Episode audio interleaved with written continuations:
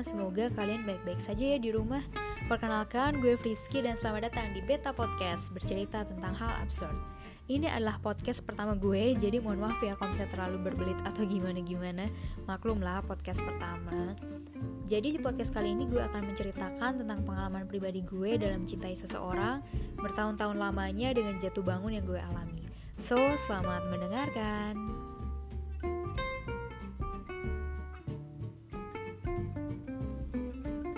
Empat tahun yang lalu, tepatnya tahun 2016, gue ke acara temen gue dan di sana gue bertemu dengan seorang cowok, sebut saja namanya um, siapa ya? Oke, Chris aja kali ya. Oke oke Chris. Jadi sebenarnya ini adalah pertemuan yang gak direncanain sih. Soalnya gue juga awalnya udah mager banget buat ke acara teman gue. Tapi entah kenapa tiba-tiba gue udah di sana tuh, udah di acara teman gue itu sebenarnya juga gue udah tahu sih tentang si Chris ini karena temen gue sering curhat tentang dia ke gue. Temen gue ini suka sama Chris jadi ya udah deh gue juga nggak tertarik gimana gimana gitu karena emang cowok ini yang cowok yang temen gue suka. Jadi nggak mungkin lah gue rebut gila kali ya. Singkat cerita gue dikenalin lah sama temen gue ini ke si Chris. Ya kenalan lah kayak biasa kalau misalnya kalian ketemu orang baru kayak gimana perkenalan, perkenalan nama kegiatan lo apa aja tinggal di mana dan semacamnya. Setelah kenalan ya udah gitu aja gue balik lagi tuh ngobrol sama teman-teman gue. Karena dia juga orangnya gak banyak bicara dan gue pun juga begitu. Gue adalah orang yang gak bisa langsung akrab sama orang yang baru dikenal. Gue bener-bener pendiam dan bener-bener gak bisa memulai percakapan sama orang yang baru dikenal. Jadi waktu acara udah beres ya udah tuh. Gue juga sama dia ya gitu-gitu aja gak ada obrolan lebih lanjut lagi. Gue pulanglah ke rumah. Dan beberapa hari kemudian temen gue ini ceritalah tentang si Chris ini cowok yang dia suka dan ternyata waktu bahas tentang si Chris ini gue salah dong. Cowok yang disukain sama temen gue ini bukan si Chris tapi cowok yang satunya lagi. Ya maklum aja lah selama cerita tentang si Chris ini temen gue nggak pernah nunjukin foto dia. Jadi ya salah deh gue. Setelah beberapa hari kemudian pun temen gue ngajak gue nongkrong. Dan di tempat itu ada si Chris juga di situlah kita lumayan banyak ngobrol ya walaupun gak banyak-banyak amat sih. Tapi mendingan lah daripada hari pertama kenalan. Di situ entah kenapa gue merhatiin banget si Chris. Dan ya hari itu ada suatu kejadian yang memperlihatkan gue gimana cara dia memperlakukan seorang wanita dengan begitu baiknya. Wah gila sih ini cowok. Jarang banget loh gue ketemu cowok yang kayak gini. Dan di beberapa pertemuan selanjutnya juga seperti itu. Masih sama ya gak, gak begitu banyak ngobrol dan tapi makin hari ya udah makin banyak lah frekuensi ngobrol antara gue sama dia Nah, udah saatnya gue balik ke Bandung. Oh iya, jadi gue itu tinggal di Kupang, tapi gue lagi merantau ke Bandung untuk kuliah. Sebulan dua bulan gue di Bandung ya begitu-begitu aja, gak ada sesuatu tentang si Chris ini lagi. Di sini sebenarnya gue juga baru putus sih sama mantan gue, dan baru setahun lah. Dan di situ gue juga belum bener-bener move on dan belum tertarik sama cowok mana pun kalau misalnya ada yang deketin gue pun ya nggak terlalu gue tanggepin ya sebatas itu aja sih. Makanya sering banget gue dikatain sombong lah cuek lah terlalu pemilih dan semacamnya. Ya sebenarnya nggak apa-apa sih kan itu pendapat mereka juga dan mereka juga cuma tahu dari luar aja kan. Mereka nggak pernah tahu kenapa alasan gue seperti itu. Mending deh gue dibilang begitu daripada gue mengiyakan saja cowok-cowok itu dan menjadikan mereka sebagai pelampiasan pelampiasan gue karena belum move on. Oke, jadi kita lanjut ke cerita yang tadi. Gue sama Chris ini yang gak ada kelanjutan sampai beberapa bulan gue di Bandung. Tapi dalam beberapa bulan gue di Bandung ini, kok gue kepikiran terus ya sama si Chris ini. Jujur, ini adalah pertama kali loh gue tertarik sama cowok lagi setelah sekian lama gue putus. Dan ini adalah pertama kalinya gue senang sama orang dengan cuma beberapa kali pertemuan yang bahkan sering ngobrol pun enggak. Wah gila sih. Terus gue kepoin lah si Chris ini lewat temen gue. Dan tentunya lewat sosial media juga dong. Kalian jangan pernah meremehkan kemampuan cewek kalau misalnya udah kepo sama seseorang. Untuk hal ini pasti kalian udah pada tahu dong. Bener-bener deh dicari sampai ke akar. Akhirnya gue tau lah kesarian si Chris ini kayak gimana Asal usul dia kayak gimana Dan beberapa hal tentang dia dan melihat sejarah percintaan dia gila banget sih ini cowok. Beda lah sama cowok-cowok yang gue kenal. Setiap kali gue pulang ke Kupang gue selalu jalan sama si Chris ini. Tentunya sama teman-teman gue juga sih. Sampai suatu hari gak ada hujan gak ada badai tiba-tiba si Chris nyamperin gue dan kita ngobrol berdua dong. Lumayan lah obrolan kita. Sampai akhirnya dia minta kontak gue. Di situ gue tuker-tukeran lah nomor WhatsApp followan-followan Instagram dan semacamnya setelah pulang itu kita chat-chatan lah tapi ya begitu-begitu aja sih. Nggak yang setiap hari juga uh, karena ya emang gue juga bukan tipikal yang suka di chat terus-terusan. Gue juga masih punya kegiatan lain kali.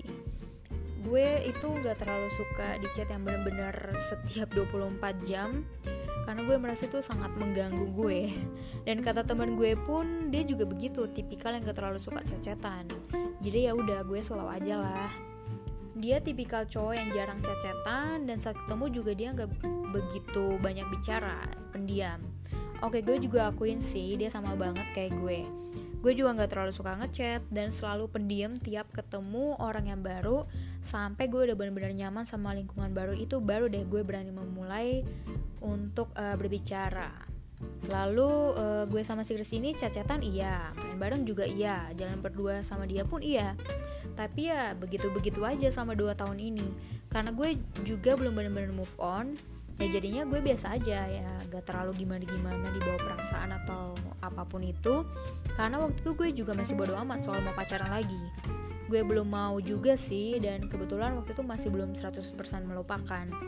Tapi entah kenapa dari cowok-cowok yang deketin gue cuma sama dia yang gue sangat nyambung segini macamnya dan masih kontak-kontakan selama ini selama 2 tahun. Wah udah lama juga sih sebenarnya.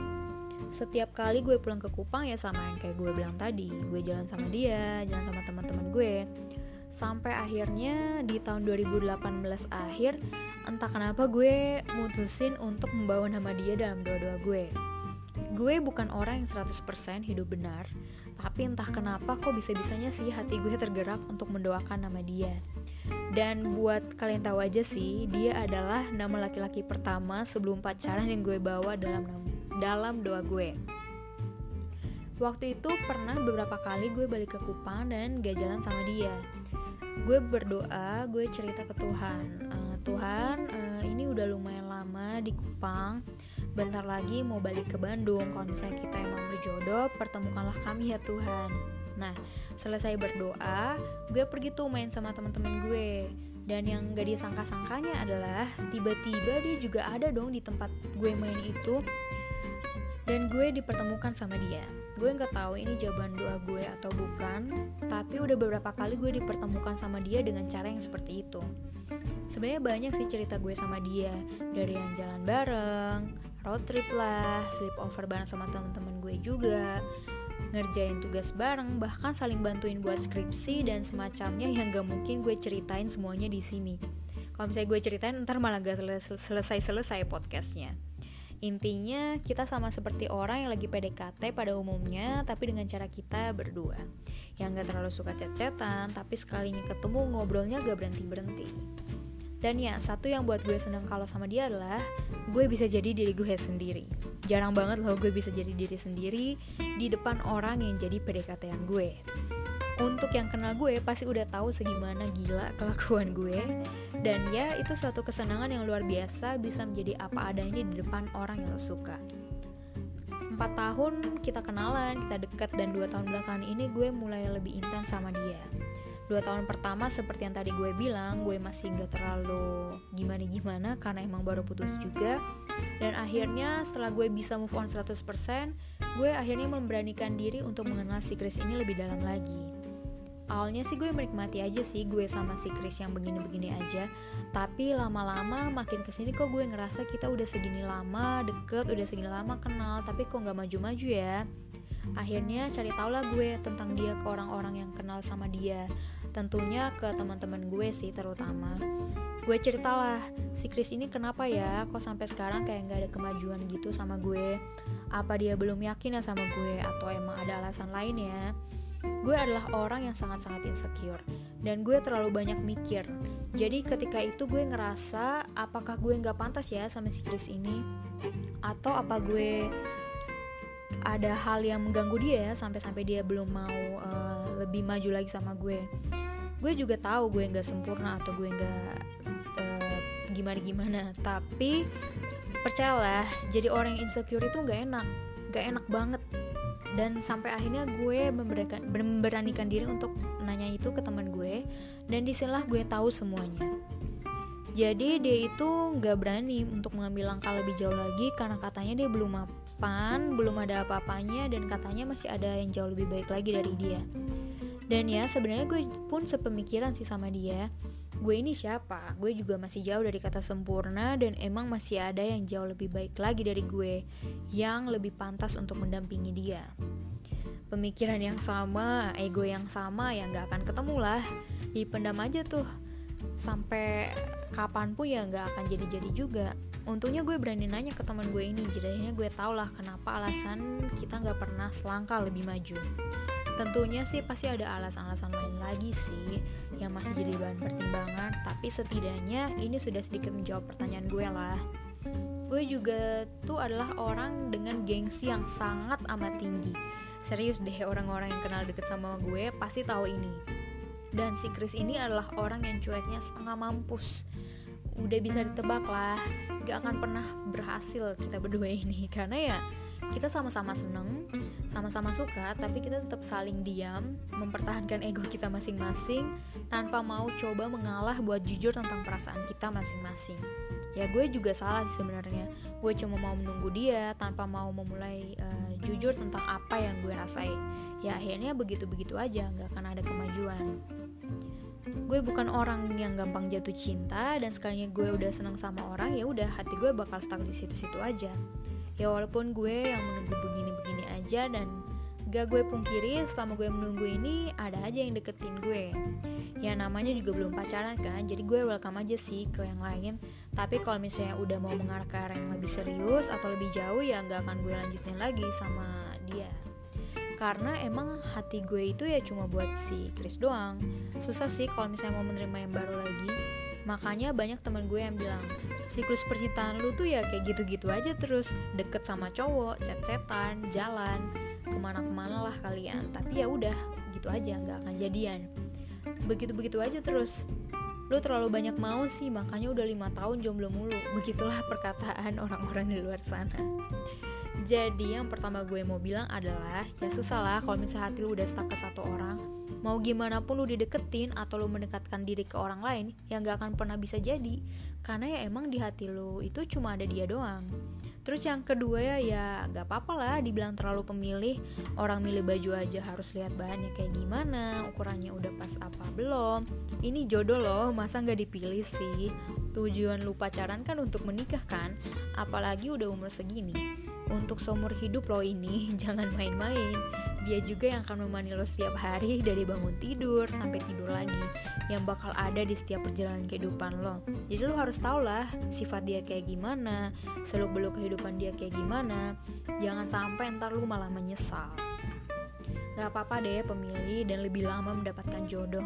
Yang penting diimbangi juga dengan membuat diri sendiri pantas untuk dipilih. Terkadang kita juga menerapkan standar dari A, B, C sampai Z, tapi kita lupa apakah kita sendiri juga udah memenuhi standar itu atau belum. Kita udah layak dipilih juga atau belum. Jangan lupa ya memantaskan diri kita juga karena bukan cuma kita doang yang memilih, tapi pasangan kita juga tentunya memilih yang terbaik untuk mereka ya uh, balik lagi lah ke cerita gue tadi itu. Akhirnya setelah gue pikir-pikir dan mengingat nasihat teman-teman gue ini uh, mereka tuh bilang lu mau sampai kapan sih nunggu lagi? Kalau misalnya dari awal dia udah gak berani memulai gak berani mau deketin lu apa yang lu mau harapin lagi? Tapi ya emang gue nya aja sih yang batu oh ya balik lagi kayak yang tadi gue bilang gue ini bukan orang yang hidupnya 100% benar. Tapi gue juga mikir selama ini kan gue berdoa tuh Untuk mendapatkan jodoh yang terbaik. Gimana kalau selama ini Tuhan udah mengirimkan jodoh yang terbaik Udah ngasih ke gue pertanda tentang jodoh gue ini tapi gue nya aja yang tetap batu, tetap keras kepala, maunya sama si Chris, si Chris, si Chris doang. Kalian pasti tau lah kalau misalnya udah jatuh cinta tuh rasa-rasanya kita tuh sangat egois. Kita cuma mau pertahanin apa kata hati kita doang, tapi kita gak mau realistis dengan keadaan, gak mau dengerin orang lagi. Awalnya gue juga udah gak tahu mau sampai kapan gue begini terus, cuma ya lama kelamaan gue sadar. Udah terlalu lama gue menunggu hal yang gak pasti kayak begini Katanya mau sesabar apa pun orang menunggu, apalagi untuk sesuatu yang gak pasti dalam waktu yang lama bisa terasa lelah juga. Dan ya memang benar, sudah bertahun-tahun gue menunggu dan rasanya gue udah mulai capek, gue udah mulai lelah, dan mungkin inilah batas kesabaran gue. Dan belakangan ini juga pelan-pelan semua hal tentang si Chris ini buat gue juga udah kayak biasa aja, gak se-excited dulu lagi. Gue juga gak tahu gue harus seneng karena akhirnya gue udah mulai bisa merelakan dia atau gue harus sedih. Karena bertahun-tahun gue mendoakan perjuangan gue selama ini untuk menunggu dan gak buka hati buat orang lain bukanlah hal yang mudah. Dan kayaknya bukan juga dengan waktu yang bisa dibilang singkat. Tapi kayaknya udah cukup deh gue sampai di sini. Dan ini adalah saat yang tepat buat gue membuka lembaran baru gue tanpa ada dia lagi di kehidupan gue Udah cukup sih gue menunggu dia yang gak pasti, udah cukup juga gue mengeluarkan air mata, dan udah cukup juga gue menunggu dia yang bahkan gak ada rencana untuk memulai semuanya dengan gue. Gue mendoakan hal yang baik untuk gue dan dia, dan dalam setiap doa-doa gue, dan ternyata adalah bagian yang terkabul dari doa gue adalah jika kami tidak berjodoh, maka yakin akan ada yang terbaik untuk kami pribadi masing-masing. Gue sedih kita tidak berjodoh sekarang, tapi gue mengaminkan agar kita masing-masing mendapatkan yang terbaik. Jujur gue sedih banget karena gak mudah loh perjalanan cinta gue ini. Lelah sih udah pasti, siapa sih yang gak lelah dengan keadaan seperti ini? Nangis pun juga udah pasti, udah gak tahu lagi deh berapa banyak air mata yang gue keluarin untuk dia. Teman-teman deket gue udah pasti tahu ini ya gue itu kerjanya nangis kalau karena cowok ya pasti karena dia lagi. Entah itu nangis bahagia atau nangis karena benar-benar sedih. Tapi gak gue pungkiri gue juga senang banget bisa kenal sama dia. Terlalu banyak kesenangan yang gue rasakan saat gue bersama dia. Dia itu adalah cowok yang beda sama cowok-cowok lain yang gue kenal. Dia itu sopan banget dalam memperlakukan wanita dalam memperlakukan gue juga dia juga punya visi yang jelas, nggak terlalu ngeras. Banyaklah hal-hal positif yang bisa gue pelajarin dari dia. Cuma ya mau gimana lagi, gue juga harus realistis. Walaupun akhirnya seperti ini sih, tapi nggak pernah terlintas sedikit pun di pikiran gue untuk menyesal kenal sama dia dan menjalani semua ini dengan dia. Terlalu banyak hal yang bisa gue pelajarin yang gak akan gue dapetin ketika gue deket sama orang lain. Katanya jatuh cinta adalah kepada siapa kita bersedia patah hati. Dan katanya juga jatuh cinta dan merelakan merupakan proses yang sejalan. Memang bener deh, tapi awalnya terasa berat banget untuk gue menerima perkataan-perkataan ini. Tapi gue sadar bahwa setiap cinta pasti ada jatuhnya, dan ya merelakan pun merupakan sebuah proses panjang dalam pendewasaan dari jatuh cinta. Dan buat kalian-kalian di luar sana yang juga menghabiskan waktu lama untuk menunggu, semoga nanti akan mendapatkan hati yang layak untuk selamanya ditempati. Gue percaya, meskipun gue merasakan patah hati, gue merasakan gak ada kesempatan untuk memulai bersama dia, setiap pertemuan dengan seseorang dan semua hati yang jatuh cinta pasti punya tujuan dan pembelajarannya masing-masing. Entah itu hanya untuk belajar patah hati, lagi dan lagi, atau menjadi suatu jalan untuk mendapatkan cinta yang terbaik. Percayalah, untuk mendapatkan sesuatu yang terbaik tuh gak akan semudah itu. Lu butuh jatuh berkali-kali, lu butuh jalan yang berliku-liku sampai akhirnya lu bisa sampai ke tempat itu.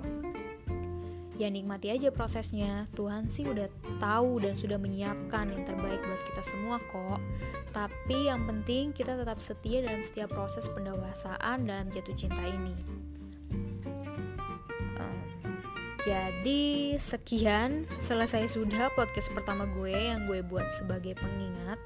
Kalau gue pernah jatuh cinta pada seseorang yang begitu indahnya dengan proses jatuh bangun yang tentunya gak mudah sampai akhirnya gue bisa merelakan dia.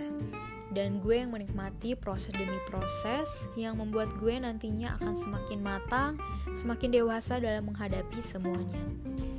Yang terakhir, terima kasih banyak ya yang sudah mendengarkan. Semoga kalian senang dengan podcast ini dan semoga semua sehat selalu ya. Jangan lupa untuk tetap di rumah aja.